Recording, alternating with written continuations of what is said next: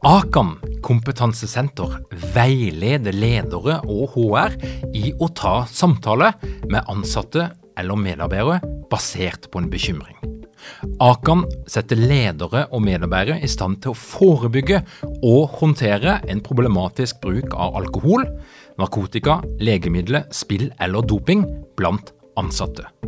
Ønsker du å lære mer om god forebygging og gjennomføring av samtale med en som du er bekymra for? Da kan du nå få tilgang på Akan sitt digitale samtalekurs til spesialpris, kun 760 kroner. Målet med kurset er å gjøre deg tryggere i det som kan være en krevende, men viktig samtale å ta i lederrollen. Du får tilgang til kurset med å gå til samtalekurs.no, samtalekurs.no, og bruke kampanjekoden LEDERPODDEN. Tilbudet gjelder ut april.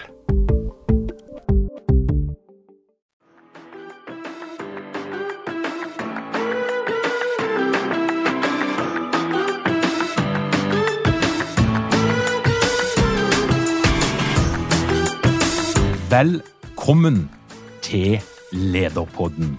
Mitt navn er Tor Åge Eikerapen. Jeg jobber som organisasjonspsykolog, og dette her er en podkast om ledelse. Som leder ligger du lagelig til for hogg. Du kan fort få skylda for noe som du ikke har mulighet til å påvirke. Du kan bli straffa på verst tenkelig vis, og du kan bli hengt ut i media. Du skal ta beslutninger som kan få store konsekvenser, og som av og til vil slå feil. Med andre ord kan det i lederrollen potensielt være ganske mye å skamme seg for. Og dette her har Elsebeth Hauge skrevet bok om. Velkommen til Lederpodden, Elsebeth. Takk, Tor. Og dette her er det øjeblik, hvor jeg øh, tager og, og klikker over til dansk, øh, så får vi se hvordan det går. Men i hvert fall, du har skrevet en, en bog hvor 25 ledere fortæller om skam, og den skammen de oplever som ledere. Og Elisabeth, hvorfor har du skrevet den her bogen? Hvor, hvor kommer det fra? Hvor kommer det fra? Ja, Jamen, øh, nu har jeg jo selv været leder i mange år, både i det private og i det offentlige. Og, øh, og igennem min egen lederkarriere har jeg, øh, er jeg sådan, har jeg jo selv gået meget op i den der lederudvikling, og hvem er jeg selv i min ledelse, og hvordan er det, jeg spiller sammen med andre, og så videre. Og øh, i den der rejse, der er jeg også øh, rigtig mange gange stødt på, at jeg øh, har måttet spørge mig selv, hvorfor søren agerede jeg på denne her måde mm. i denne her forsamling eller denne her relation? Hvorfor sagde jeg ikke det, jeg faktisk følte, da jeg sad i et ledermøde? Hvorfor øh, gjorde jeg, som jeg gjorde? Hvorfor gjorde jeg øh, ikke, som jeg, jeg ville have gjort? Og så videre. Øhm, og så har jeg også altid været optaget af elefanterne i rummet. Jeg har altid været optaget af, hvad er det, der ikke bliver sagt? Hvad er det, der ikke bliver gjort? Øhm, så, øhm, så da jeg øh, havde været leder i 10-15 år, så øh, på et tidspunkt, så begyndte jeg at tale med mine, mine venner om det, med nogle lederkolleger og sige, hvorfor er det, vi, øh, vi agerer på den her måde? Fordi det er ikke særlig optimalt, det er ikke særlig værdifuldt, at vi ikke får, får de fortalt om, om, hvad handler det egentlig om nogle gange, når vi sidder og er meget protektionistiske for eksempel, eller beskytter nogle, øh, nogle holdninger eller nogle retninger, øh, i stedet for lige at sige, okay, hvad handler det egentlig om det her? Det er ikke særlig værdifuldt for hverken læringen eller for udviklingen, eller øh, for at nå det, vi egentlig gerne vil i en virksomhed. Så, øh, så, så sprang jeg ud for et par, øh, par år siden, og, øh, og hvor jeg tænkte, jeg kan ikke være den eneste, der, øh, der har det på den her måde. Og, øh, og så tog jeg rundt og interviewede en masse ledere og sagde, jeg vil vide noget om jeres ledelse, som I ikke har fortalt andre. Og, øh, og det skal ikke være de her øh, historier, I kan fortælle på scenerne og, øh, og fortælle om, hvordan I så efterfølgende blev en stor succes. Det skal være der, hvor I virkelig bare øh, har ligget på bunden og skammet jer. Og, øh, og det fik jeg rigtig mange gode input på, hvad, hvad det kunne være. Også noget, jeg slet ikke havde forestillet mig øh, var i ledelse. Øhm, og det er enormt spændende, fordi vi er jo rigtig gode til at læse, og der er jo masser af litteratur og masser af artikler, der fortæller os om, hvordan vi skal være den gode leder. Det, øh, det, vi har dem jo alle sammen stående på hylderne derhjemme. Og, øh, og, det er jo, og samtidig så skal vi jo være autentiske ledere. Det får vi jo også øh, tudet ørerne fulde af, at vi skal være autentiske og være det hele menneske og, og stå stærkt i os selv, er der også nogen, der siger. øhm, men vi taler stadigvæk kun om, om de her egenskaber, som vi gerne vil sætte på CV'et, og som vi gerne vil hyldes for, og som øh, vi gerne vil have de andre, de kigger på. Så, så der er jo en kæmpe stor del af os som menneske, vi, øh, vi putter ned i en lille kasse og lader blive hjemme, når vi tager på arbejde som leder. Og hvis vi går så tilbage til, til der det hele starter med begrebet skam, hvad er det for nogen? Altså, hvad taler vi ja. om? Ja, hvad taler vi om? Og øh, det er jo meget, meget bedre til i, øh, i Norge. Norge er jo meget bedre til det her med skam, fordi der har jo været øh, øh, tv-serier om skam, og i Danmark kan vi ikke lide at tale om skam. Øhm, når vi taler om skam i Danmark, så er det øh, æresdrab og pædofili og øh, religion. De, de er helt, helt tunge emner, vi, vi taler om. Og, og skam er, er ikke noget, vi taler. Vi går ikke rundt og siger, jeg skammer mig over et eller andet. Øhm, og det er faktisk også meget skamfuldt i Danmark at, at skamme sig. Så det bliver sådan skam med skam på, kan man sige. Så, øhm, og især for ledere. Øh, ledere, vi har jo, øh, vi har jo magt til at, øh, at, at gøre noget ved det. Hvis vi, har en, hvis vi er i en situation, vi ikke kan lide, så, øh, så tænker vi egentlig, at, at, magt, at man som leder har magt til at, at gøre noget anderledes. Vi har, led, vi har magt til at forandre noget. Men, men ja, skammen, definitionen på skam, som jeg bruger om lederskammen, det, er, det handler om øh, øh, handlinger, egenskaber, følelser, tanker, fordomme i ledelse, som vi ikke ønsker, at andre skal få øje på. Altså, der er simpelthen noget i os, som, øh, som vi gemmer væk, og ikke øh, viser øh, omverdenen, fordi vi ønsker ikke, at de skal tænke noget bestemt om os.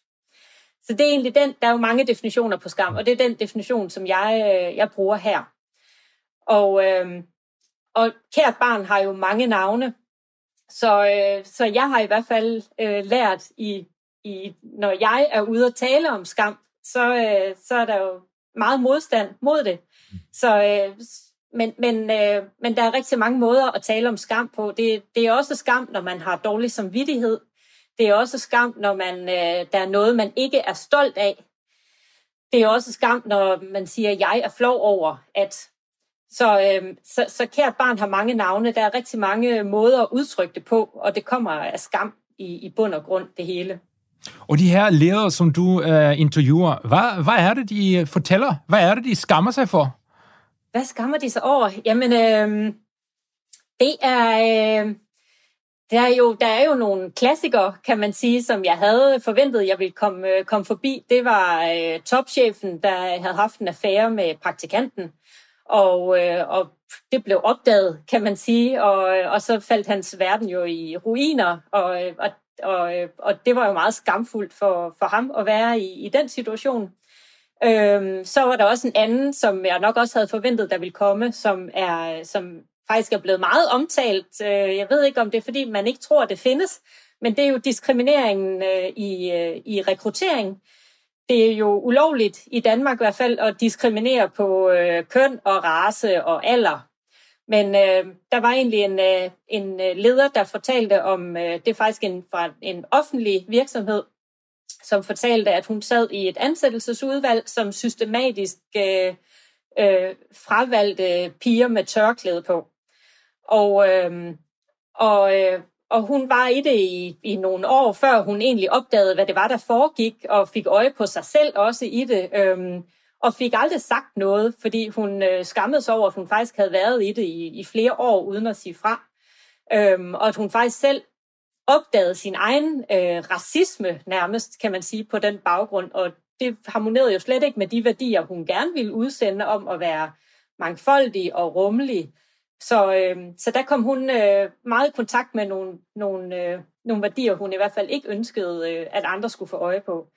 Øh, Ja, og, og det, det er egentlig kendetegnende for, for alle de ledere, jeg har interviewet, at, at det, de fortæller om, det er noget, der er sket på tidligere arbejdspladser og i, i tidligere roller, de har haft. Øhm, fordi det er, faktisk, det er først, når de kommer på afstand, at det er muligt at, at, at få øje på sig selv på den måde. Og, og det er også først der, det, øhm, hvad skal man sige, at man kan holde til at være i det.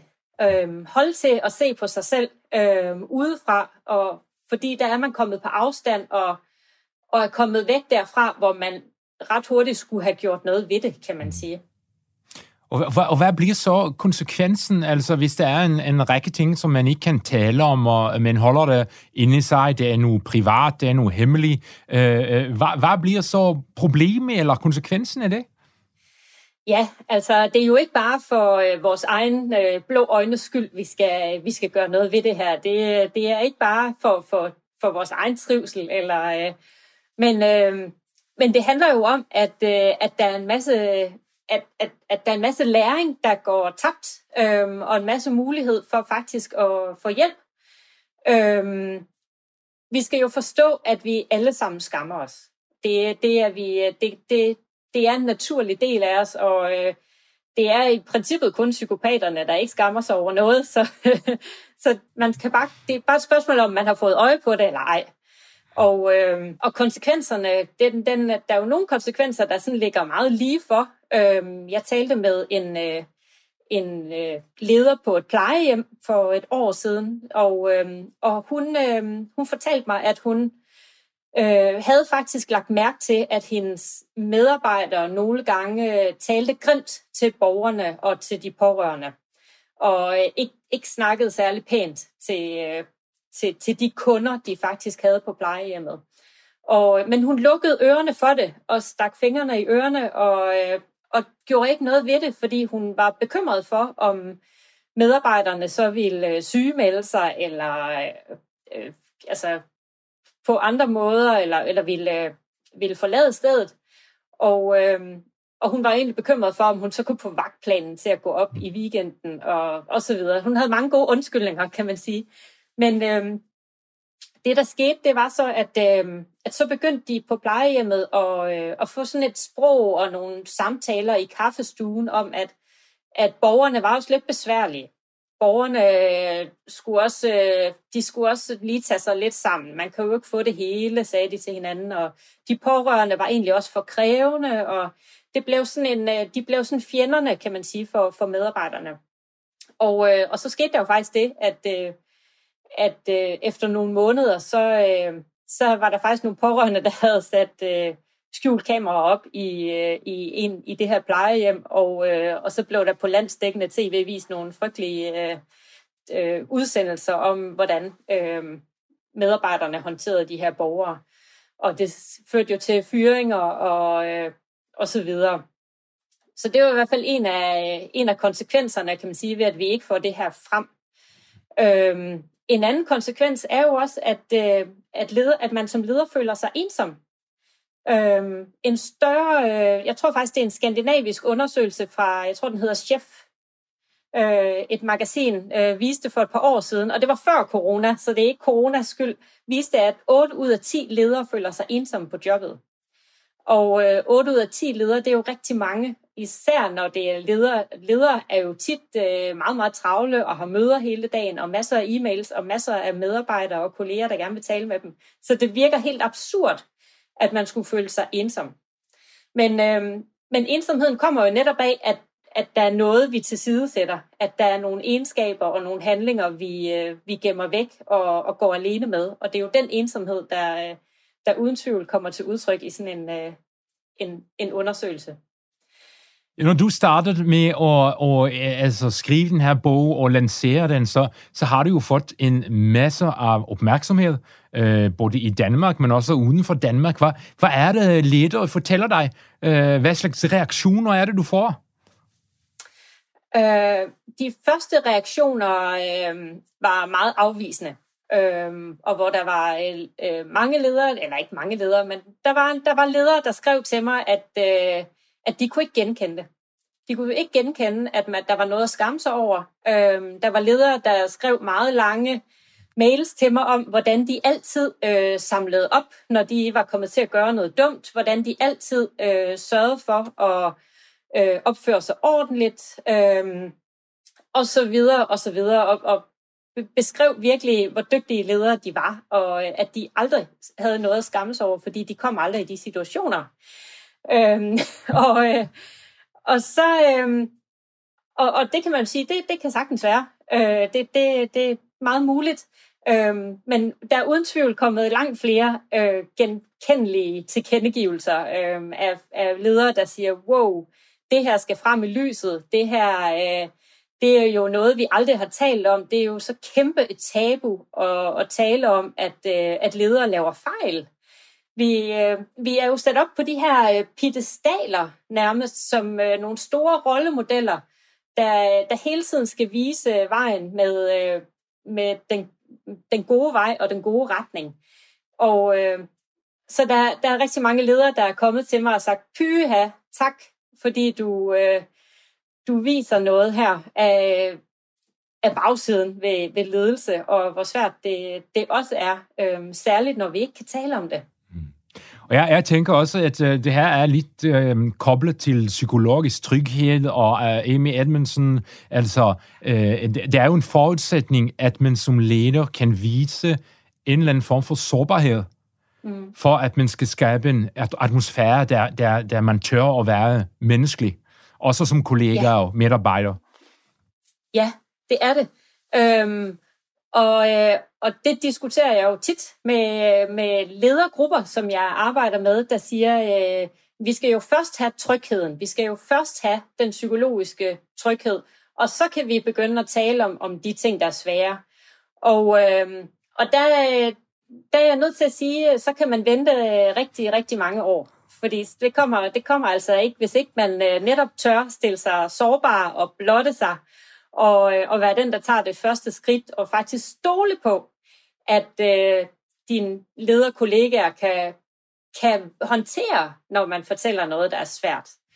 Men, men i mange ledergrupper så har man slet ikke et sprog for, hvordan man taler om ledelse. Og, øh, og vi, hvis jeg for eksempel, i, en, jeg har været i, i øh, nogle typiske ledergrupper, tror jeg, de har været meget almindelige.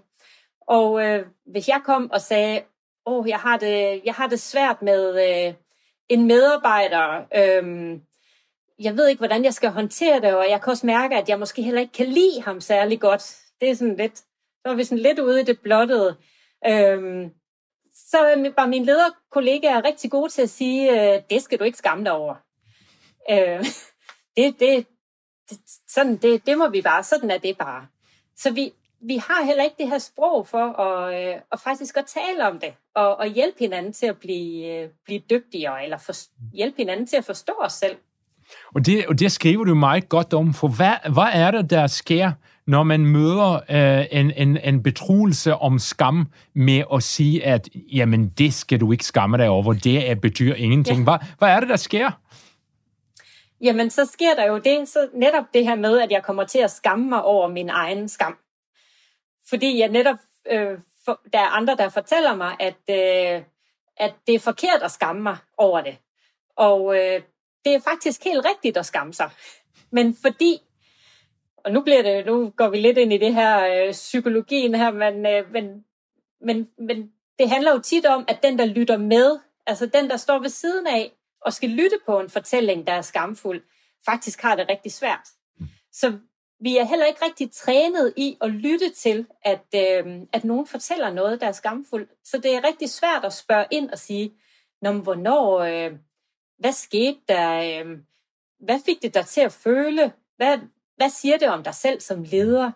Og alle de her spørgsmål, som egentlig vil udvikle mig som leder, og som vil være virkelig interessante spørgsmål, som vil gøre, at jeg vil tænke over den her samtale i, i lang tid på en god måde, fordi det har været en udviklende samtale. Dem får man slet ikke spurgt om. Øhm, så vi er rigtig gode til at sige, det skal du ikke skamme dig over, eller øh, øh, jamen det har jeg også prøvet en gang, og så starter man med at fortælle en historie, der ligner lidt, og øh, altså, så, så vi, vil, vi vil enormt gerne hjælpe den anden med at ikke at skamme sig. Og så bliver det bare forkert, fordi vi klarer ikke at møde de negative følelser, når vi bare affejer dem og siger, at du har ikke ret, det er, det er, det er forkert, de her følelser er ikke gyldige. Ja. ja, lige præcis. Og det handler jo tit om, at den, der lytter med, faktisk har rigtig svært ved at være i det, og faktisk ikke har træningen i at, øh, at stå i de, de der svære eller sårbare Er Har ikke mange ledere uden trening eller utdannelse innen ledelse? Mangler dykken en felles kultur og praksis for ledelse? Ønsker dykken å være bedre rustet for fremtidig vekst og endring? Da kan et internt lederutviklingsprogram være en god investering. I Execu så er vi eksperter på å designe og gjennomføre bedriftsinterne lederutviklingsprogram. Hvis du ønsker å lære mer om hvordan vi kan hjelpe dykken til å få enda bedre ledere, ta og klikk deg inn på execu.no.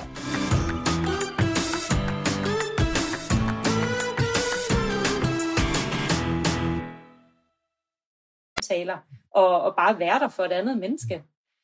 Og det lyder enormt simpelt, men, øh, men i ledergrupper er vi ikke særlig trænet i det. Og, og det handler også lidt om, at vi, øh, og så må du jo supplere med, om det også er sådan i Norge, men i Danmark er vi jo meget, meget høflige.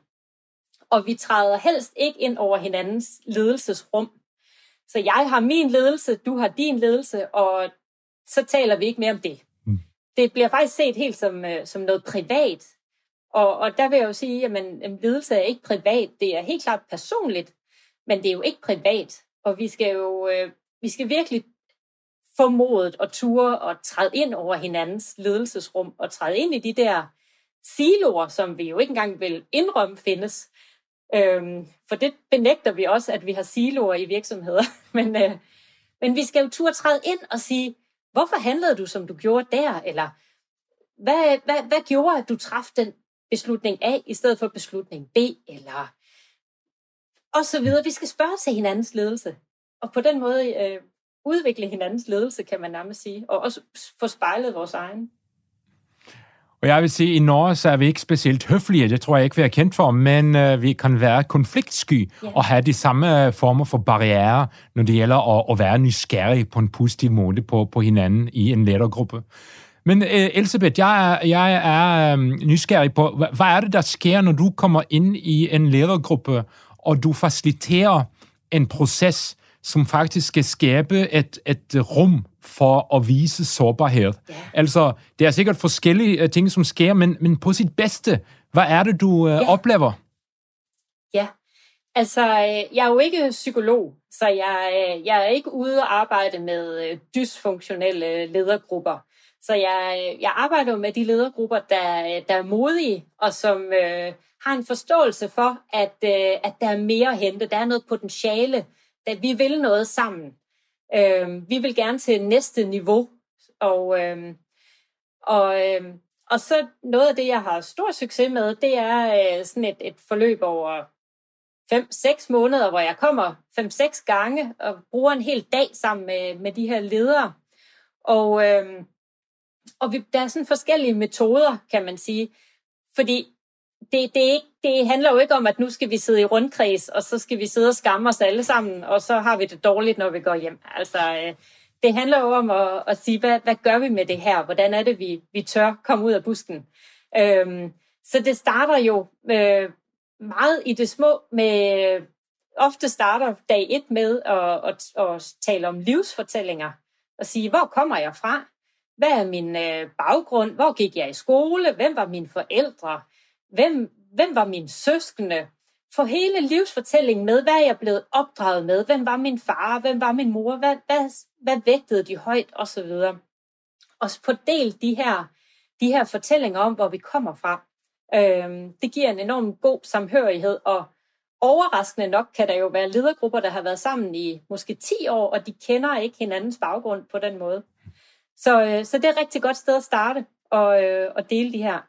Og, øh, og så de senere gange, kan man sige, altså vi, vi bruger rigtig meget, altså tid er vigtigt i det her, fordi det er ikke en livsfortælling på syv minutter, det er måske en livsfortælling på tre kvarter, hvor vi bruger øh, lang tid på at komme ned i, øh, hvad han, hvem er vi, og, og så videre, få noget dybde på. Ikke? Øhm, og så de næste gange, der, øh, der går vi mere ind i ledelsen og siger, øh, hvor er det, det har været svært som leder, øhm, og, og for ikke at, igen, for ikke at starte ud i det store rum, så siger vi, jamen vi starter ud i nogle små i grupper, i øh, to og to for eksempel, og øh, har måske også næst, faktisk en, øh, en meget detaljeret spørgeramme med, fordi netop fordi det også handler om, at, at, øh, at den der interviewer skal øve sig i at stille nogle gode spørgsmål. Øh, og ikke hoppe over i den der med, man skal ikke skamme sig. Så, øh, så, så der handler det faktisk om at øve sig i de her samtaler, og øve sig i at stille spørgsmålene. Og så, så bygger det sig op, kan man sige, ved at man siger, jamen jo flere vi, vi siger de her ting til, jo, øh, jo nemmere er det lige pludselig. Fordi skammen har rigtig svært ved at trives i åbenhed. Så så snart vi åbner op og siger det højt, så, øh, så falder stenene fra skulderen, kan man sige. Og, øh, og så, så, så det der med at blive mødt af andre, der kigger på en, og stadigvæk smiler, og stadigvæk har milde øjne, så øh, det, det gør enormt meget ved den her skam i sig selv.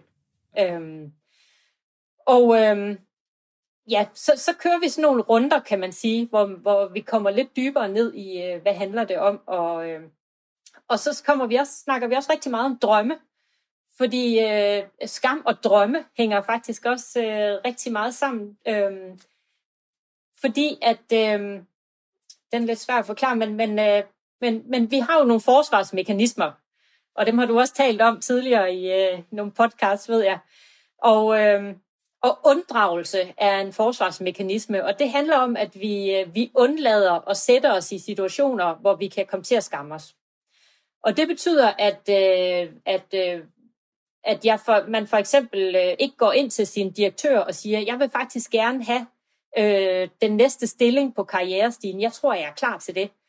Fordi man er bange for, at direktøren kigger på en og siger, ej, det tror jeg ikke, du er klar til. For man vil skamme sig ved at stå i den situation. Så der er simpelthen situationer, man undlader. Det er også derfor, at øh, der er også ledere, der, der siger, wow, jeg vil gerne ud og sejle jorden rundt med min familie. Jeg vil gerne holde fri et helt år. Og når jeg så siger, hvorfor gør du ikke det? Og så først så siger lederen jo, ja, men det har vi ikke lige råd til, og hunden skal også passes, og du ved, alle de, de almindelige undskyldninger. Når jeg så spørger igen, så siger han, jamen, når jeg tager ud og sejler og holder fri i et år, så kommer der en ind, der skal være vikar for mig som leder. Og prøv at tænke, når jeg kommer tilbage om et år, hvis nu øh, den her leder faktisk er dygtigere end mig, eller hvis nu den her leder, øh, hvis nu mine medarbejdere hellere vil have den nye leder, så vil jeg jo føle mig enormt værdiløs og ligegyldig og inkompetent. Og det kan jeg ikke holde ud. Så jeg tager ikke ud og sejler et år med mit familie. Jeg bliver i mit job. Og det er jo, en lidt, det er jo også en undladelse, kan man sige, så man tænker slet ikke over, at øh, måske tænker den her leder slet ikke over, at, øh, at hun har lyst til at komme ud og sejle. Fordi hun vil slet ikke sætte sig i en situation, hvor, øh, hvor, hvor det er muligt at føle den her skam. Mm. Øhm, var det spørgsmålet? Okay.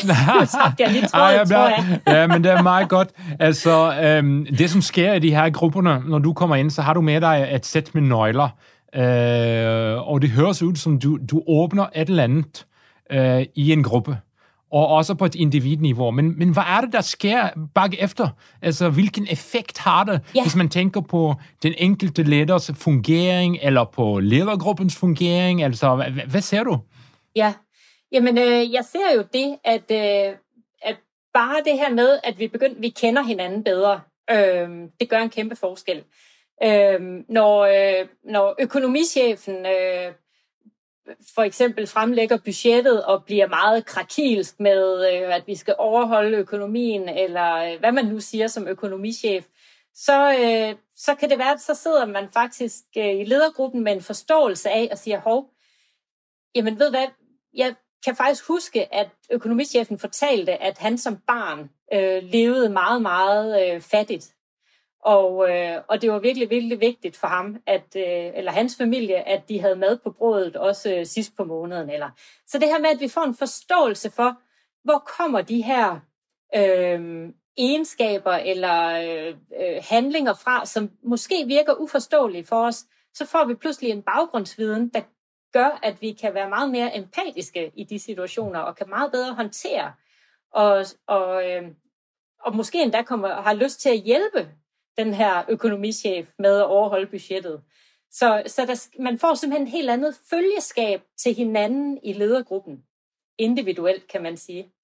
Øhm, det kan også være en, en leder, der, øh, der fortæller, at, øh, at hun har rigtig hun har rigtig svært ved at, øh, at komme hjem om aftenen til sin familie, øh, og svært ved at sige fra. Det er der også. Det er der rigtig mange ledere, der også ligger i det evige dilemma med, øh, hvad skal vi bruge? Skal vi bruge tiden på arbejde eller med familien? Og øh, man har faktisk dårlig samvittighed lige meget hvad. Øhm, så, kan det også, så, så vil det også helt sikkert sidde nogle lederkollegaer, der, øh, der i højere grad vil hjælpe. Og næste gang der er nogle opgaver, der skal fordeles i ledergruppen, kan det være, at der er en leder, der siger, hov, er du sikker på, at du kan sætte den her opgave, eller har, hvor meget har du på tallerkenen? Skal jeg, øh, skal jeg smide en, en af mine kollegaer over til dig et øjeblik? Eller, ja. Så den her protektionisme forsvinder også. Så det, det, det du siger er, at, at gennem en sådan proces, så, så kommer ledergruppen nærmere hinanden, men har mere empati for hinanden, og man har en større forståelse for de personlige forskeller, der måtte være. Ja, helt sikkert. Og i sidste ende, så handler det jo om værdien i virksomheden. Altså, øh, det handler jo om, at, at, at nogle af de barriere, som, som øh, man kan sige, vi går, jo ikke alt, vi går jo ikke altid på arbejde kun for virksomhedens skyld. Vi går jo også øh, på arbejde for vores egen skyld. Og nogle af de beslutninger, vi tager i virksomheden, er jo også for vores egen skyld, fordi vi ikke vil miste magt eller medarbejdere eller budget. Eller, og, øhm, og, og jo, mere, jo tættere vi kommer på at kunne tale om det, så når vi sidder og skal fordele opgaver eller medarbejdere, eller hvem skal have lønstigninger osv., så så øh, jo tættere vi kommer på at kunne sige sandheden om, hvad handler det om hos mig. Hvis jeg kan sige, ved hvad, jeg, jeg er simpelthen bange for, at, øh, at, at hvis, øh, min afdeling bliver slået sammen med naboafdelingen, så er jeg simpelthen bange for, at jeg mister mit job. Jeg bliver reelt bange indeni. Og hvis vi kan sige det højt, så øh, er vi altså øh, tættere på faktisk at arbejde. Vi arbejder i hvert fald noget bedre for virksomheden, end, øh, end hvis vi blot er i krig, kan man sige. Du talte for ikke så længe siden med en journalist i uh, den norske Dagens Næringsliv. Uh, og det handlede om en historie om Anita Sundby, der, der blev fyret i sin lederjob. Ja. Øhm, hvad slags skam er det, der knytter sig til sådan episoder? For, for det må man jo også sige, at som leder, så, så har du en, en større chance end andre for at blive fyret, hvis du er på et, et højt niveau. Ja, øhm, ja altså øh, en fyring er jo, øh, med mindre det er fordi, at virksomheden lukker, og øh, men ellers, så, øh, så, så, er man, så, så handler det jo, er det jo i princippet en udstilling af, at øh, man er simpelthen ikke værdifuld nok for virksomheden til, at, man, at virksomheden vil betale en løn til en. Og det er jo egentlig skamfuldt, fordi man kommer i kontakt med, med netop med den her værdiløshed, som, øh, som, som man føler i, i det øjeblik, og sige, jeg, jeg har simpelthen ikke værdi nok til, at øh, virksomheden vil betale for, at jeg øh, kommer på arbejde hver dag. Øhm, det, det er i hvert fald, øh, så jeg kan sagtens forstå, at man, øh, at man føler skam, når man bliver fyret. Og øh, jeg kan ikke holde ud, når, øh, når folk siger, at man skal ikke skamme sig over at være blevet fyret. For det må man gerne skamme sig over, for det er helt okay, at, øh, at, at man føler sig værdiløs i det øjeblik. Og øh, så, så der har, jeg har faktisk et par fortællinger i min, øh, i min bog også om, om nogen, der bliver fyret på, øh, som ledere, som, øh, som bliver fyret på grund af nogle fejl, der bliver udstillet i medierne, eller medierne mener, det er fejl, og ja, det er altid lidt tvivlsomt, hvad, hvem der, der har sandheden der. Men, øh, men, men hvor de i hvert fald bliver fyret på baggrund af nogle, nogle fejl, som topledelsen øh, udstiller, og, og medierne udstiller. Og, øh, og særligt en af dem, øh, han siger faktisk, øh, han siger, jamen jeg, jeg, jeg skammer mig ikke over det, jeg har gjort, siger han så. Jeg har, jeg synes ikke, jeg har gjort noget forkert. Øhm, og jeg synes, jeg har hele tiden øh, øh fulgt de procedurer, vi havde, og, øh, og jeg synes ikke, jeg har noget at skamme mig over. Og så siger han, men, men men alle andre synes jo, jeg skal skamme mig.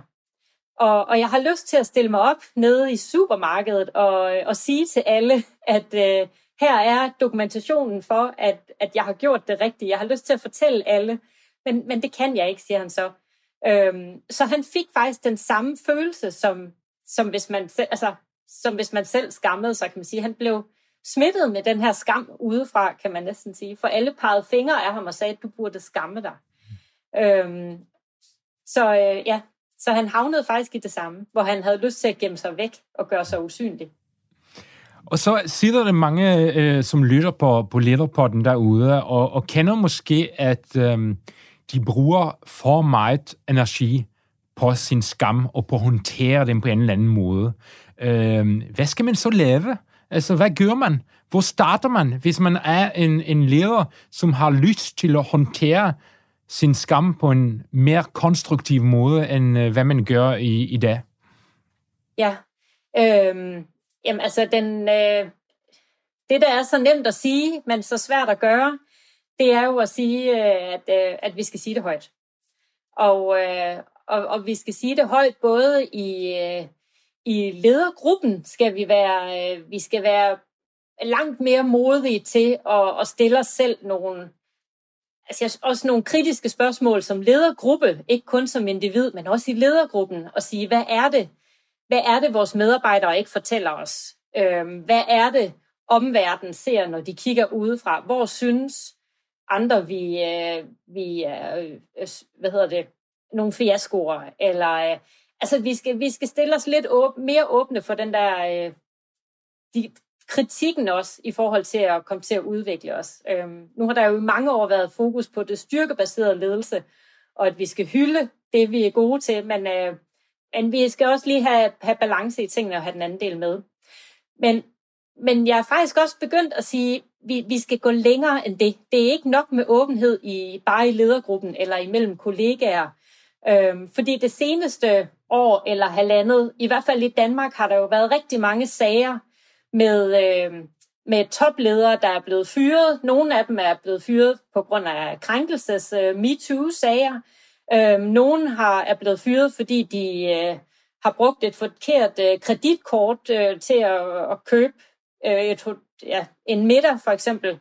Øhm, og, og, og forskellige, altså for, for, af forskellige årsager, og det bliver jo øh, hyldet, eller hvad hedder det, det bliver jo lagt stort ud i medierne, og der bliver nogle sager ud af det.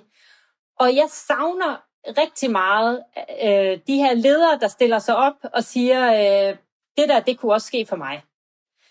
Øhm, jeg savner de ledere, der stiller sig op ved siden af politikere, der er blevet, øh, der er gået af, og så skal de sige, ved du hvad, jeg ved heller ikke, om jeg er kommet til at krænke nogen for 10 år siden.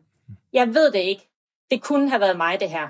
Øhm, men i stedet for, så gemmer vi os væk, og, øh, og vi lukker ørerne, og vi lukker øjnene, og håber på, at, øh, at det ikke sker. Så den der... Øh, jamen, jeg, jeg ved ikke, hvordan det, om, om det er skam på en eller anden måde, men, men det er jo i hvert fald øh, nogle situationer, hvor jeg, jeg savner virkelig, at vi som ledere også... Øh, vi, det er ikke fordi, at vi behøver at, at bakke op, når der er MeToo-sager, men vi skal i hvert fald bakke op om, at vi fejler som ledere.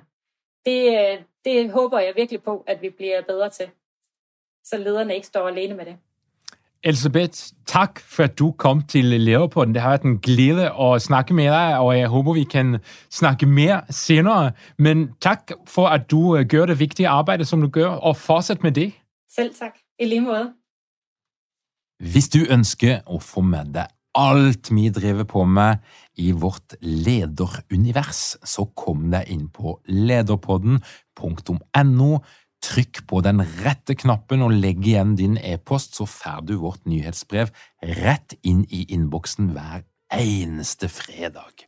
Hvis du ønsker å lære mer, hvis du ønsker å holde deg faglig oppdatert, hvis du ønsker å møte andre ledere, dele erfaringer, bli inspirert, ja, da inviterer vi deg inn i vårt ledernettverk. Gå inn på ledernettverket.no, ledernettverket.no, og sjekk det ut. Og hvis du har lyst til å bli med, så er det fremdeles noen plasser igjen. Velkommen! igjen takk for at du hører på Lederpodden. Vi er tilbake om bare ei uke, og hvis du liker det du hører her, så rate oss gjerne i iTunes eller hva det måtte være, sånn at flere kan oppdage oss. Da gjenstår det bare å ønske deg ei veldig god uke.